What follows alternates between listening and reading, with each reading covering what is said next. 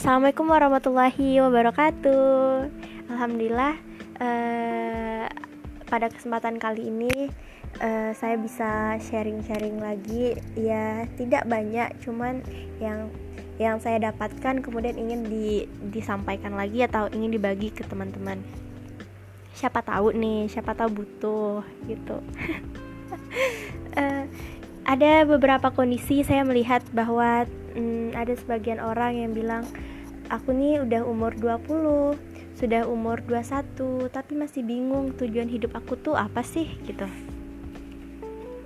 Aku tuh bingung uh, apa sih makna hidup ini? Abis ini aku harus gimana sih? Apa sih yang perlu aku lakukan saat ini untuk masa depan? Parahnya mereka tidak kenal diri mereka dan mereka tidak tahu cita-cita mereka. Hmm Nah, kita coba jawab dalam podcast ini. Saat kita tidak mengenali diri, saat kamu tidak mengenali diri kamu, saat kamu tidak mengetahui tujuan hidup kamu, saat kamu tidak mengetahui cita-cita kamu dan saat kamu bingung eh, pekerjaan apa yang akan kamu lakukan di masa depan dan saat kamu bingung harus bagaimana di masa sekarang.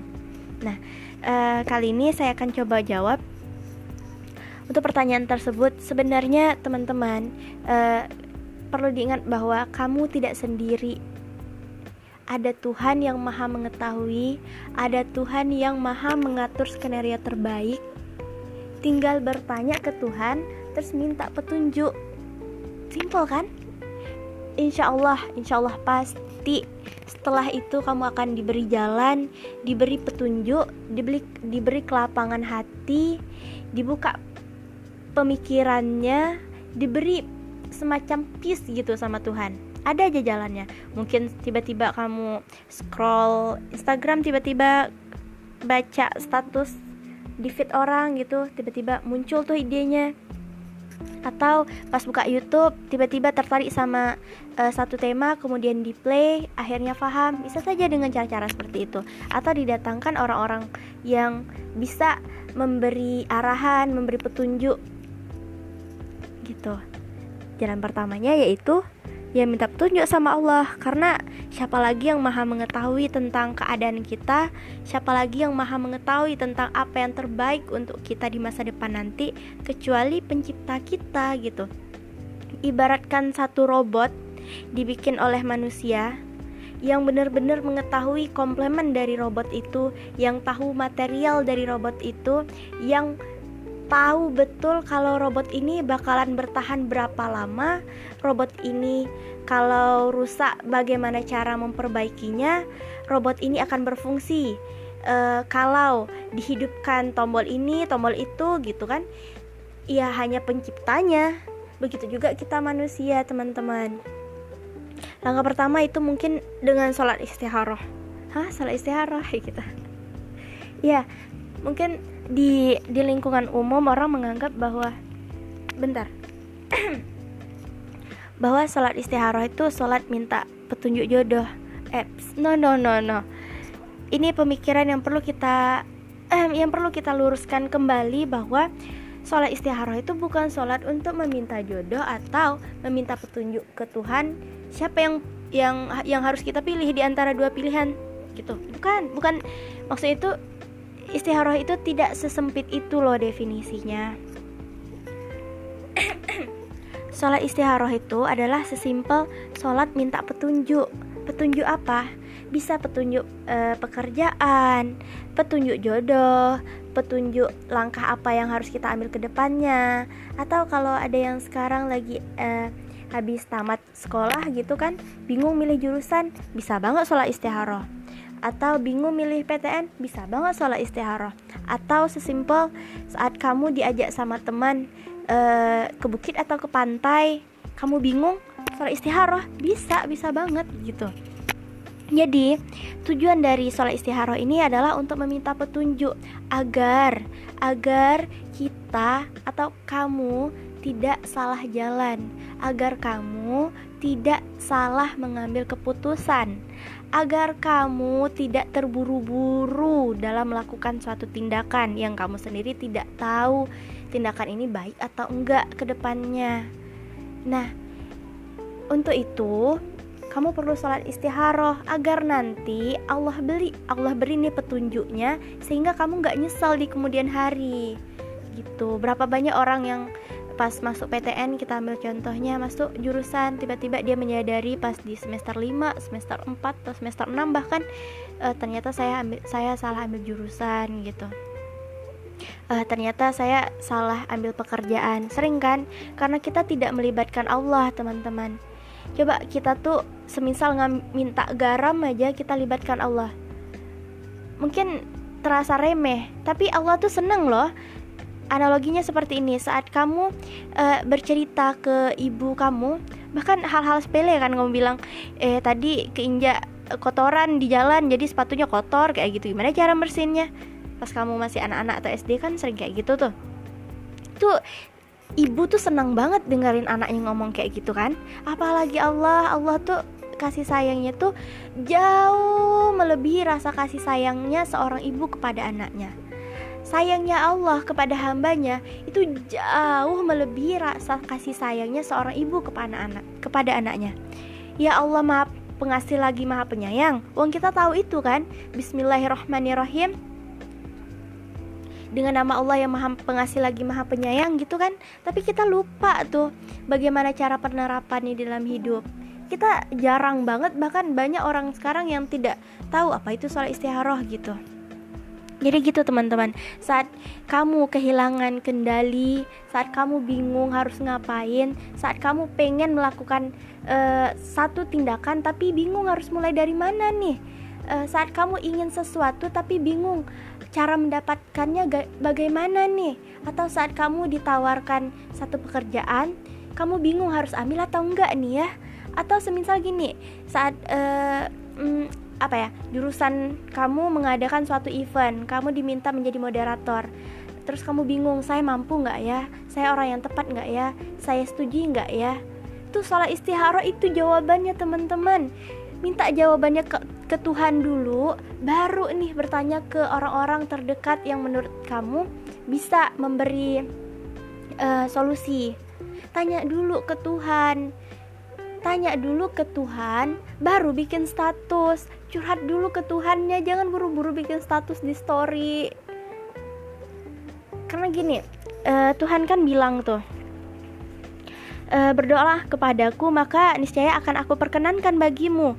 Allah itu Allah itu malu untuk tidak mengijabah doa hambanya doa yang baik gitu. Apalagi doa yang tentang e, ibadah kepada Allah yang sifatnya baik lah tentunya ya. Ya itu tadi. Aduh aku ngeblank. Soalnya aku nggak pakai bahan ini. Dan Tuhan juga bilang kan, berdoalah kepadaku, niscaya akan kuperkenankan bagimu. Berdoalah kepada Allah dengan penuh keyakinan bahwa doa kamu itu bakal dikabulkan.